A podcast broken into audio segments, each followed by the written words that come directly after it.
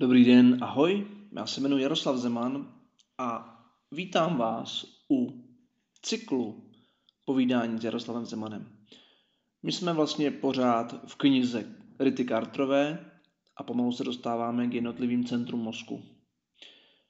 Uvědomuji si, že ty jednotlivý centra mozku může být celkem náročné poslouchat nebo vlastně o nich si nějakým způsobem dělat představu. A proto jsem se rozhodl trošičku zkrátit z 20 minut, myslím na nějakých třeba 10 minut a pomalečku vlastně rozřežeme do jednotlivých kapitol náš mozek. Dneska začneme kapitolou, která se nazývá jádra a bazální ganglia. A povíme si něco o nějakých důležitých jáder v mozku a jejich funkce. Povíme si o stavbě jader, povíme si něco o substancia nigra, povíme si něco o bazálních ganglích jako takových, povíme si také něco o spojích a jejich funkcí. Tak se hezky usaďte, já doufám, že nebudu takhle koktat celou dobu a jdeme na to. Takže jádra bazální ganglia. Mozková jádra jsou ohraničena z hluky těl nervových buněk, takzvaných neuronů, ze kterých vybíhají svazky nervových vláken, axonů a dendritů jenže spojují s jinými částmi mozku. V mozku je více než 30 většinou párově uspořádaných jader. Stavba jader. Pozorujeme-li je pouhým okem, většina jader připomíná ostrůvky šedé hmoty. Nahromaděná těla neuronů, rozmístěné uvnitř bílé hmoty nervových vláken. Mnoho jader je nepouzdřených. To znamená, že nemají na povrchu membránu ani jiný obal a také jejich hranice s okolními strukturami neostrá. Tradičně se některým jádrům říká ganglia. Nověji je však termín ganglion rezervován pro podobné struktury v periferním nervovém systému, kde jsou skupiny těl nervových buněk obvykle obaleny a tvoří oddělené útvary. Důležitá jádra v mozku a jejich funkce. Bazální ganglia. Systém jader, některé jsou jmenována níže, důležitých pro řízení motoriky a pro učení. Nucleus caudatus. Podílí se na řízení motoriky a na učení, je to hlavně zpracovávací okruh. Nucleus subthalamicus Podílí se na impulzivních akcích, včetně obsesivně kompulzivních. Talamus. Hlavní zpracovací a přepojovací oblast pro vstupy do mozkové kůry. Amygdala. Hlavní část limbického systému nebo jedna z částí limbického systému a má význam pro učení, paměť a emoce. V některých literaturách se také spojuje s pocitem strachu a strachem jako takovým. Což vlastně dost často akceleruje naše emoce a nutí nás to k rychlým reakcím a vlastně i k evolučnímu vývoji. Motorické jádro lícního nervu. Jedno z několika párových jader hlavových nervů v mozkovém kmeni. Toto jádro sedmého nervu hlavového zásobuje mimické svaly. Tak, bazální ganglia. Bazální ganglia, nově zaváděný termín je bazální jádra, jsou párově uspořádaná jádra uložená v hloubce na bázi mozkových hemisfér poblíž talamu. Patří k nim putámen, nucleus caudatus, globus pallidus, nucleus subthalamicus a substancia nigra putamen a nucleus caudatus se pro svůj žíhaný vzhled souhrně nazývají striatum dorsale. Striatum ventrale je jiné pojmenování pro nucleus accumbens. Globus pallidus má světlejší barvu než putamen a nucleus caudatus. Nucleus subthalamicus a globus pallidus. Jak název napovídá, párový nukleus subthalamicus je uložen pod talamem. Vyskytuje se jedině u savců. Leží těsně nad substancia nigra.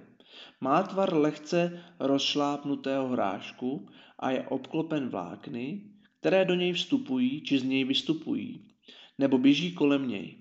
Většina vláken do něj vstupuje. To jsou takzvaná aferentní vlákna. Z globus pallidus, některé z mozkové kůry a ze substancia nigra. Většina vystupujících vláken, to jsou takzvaná eferentní vlákna, z něj běží do globus pallidus a do substancia nigra. Globus pallidus, taková ta bledá kulička, a putamen se někdy souhrně nazývají jako nucleus lentiformis, čočkovité jádro. Substancia nigra. Substancia nigra, černé párové jádro, je nejníže uložené bazální ganglion, neboli taky bazální jádro. Leží ve středním mozku, těsně za nucleus subthalamicus. Jeho černé zbarvení je způsobeno přítomností barviva melanin, které se nachází i v kůži. Toto jádro produkuje neurotransmitter dopamin, dopravovaný do různých částí mozku. Degenerace substancia nigra je příčinou Parkinsonovy nemoci. A my se dneska snažíme o takzvanou hlubokou stimulaci, aby jsme pochopili, jak Parkinsonova choroba vlastně vzniká. A hluboká stimulace je vlastně zavedení elektrody a touto elektrodou potom v hloubce uložený mozkový struktury stimulujeme. Spoje a funkce. Většina mozkových jader má velké množství spojů.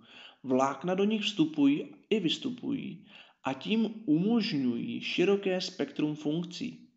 Nucleus caudatus, obtáčející z hora a ze zadu talamus a vyklenující se z boku do postranní komory, má velkou hlavu, kaput, tělo, korpus a zužuje, zužující se ocas, kauda.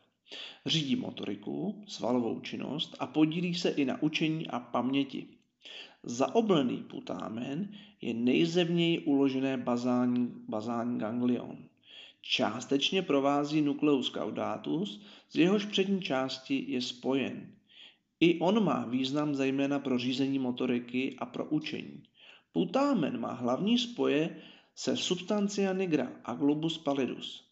Všechna bazální ganglia pracují společně jako integrovaný mozkový systém, čím zajišťují ladnost a koordinaci pohybů.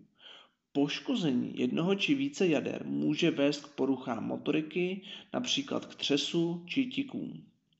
Parkinsonově nemoci, Tourettův syndrom nebo k Hunting, Huntingtonově, hrozný slovo, ještě to zkusím jednou. Huntingtonově chorobě. Dobře já. Nukleus subthalamicus se podílí na nutkavém jednání a na cílení pohybu. Jeho poškození vede k hemibalismu, což je jednostranným mimovolným pohybům v rameni a v kyčli. Tak, pojďme si ještě říct něco o okruhu bazálních ganglií. Motorické příkazy přicházející z mozkové kůry jdou přes nucleus caudatus a putamen do globus pallidus, odtud, odtud pak do talamu a zpět do kůry. Mo, uh, výstupní spoje z bazální ganglií v okruhu bazální ganglií je zpětnovazebně automaticky monitorován a nastaven plánovaný pohyb. Pojďme si říct ještě corpus mamillare, přepojovací stanice mezi amygdalou a hypokampem a talamem. Substancia negra jsme si popsali, ta je teda nezbytná pro plánování a monitorování pohybu. Další centra jsou tam tedy putamen, je tam fornix, nucleus caudatus, thalamus, je tam globus pallidus internus, globus pallidus externus, nucleus subthalamicus a nucleus caudatus.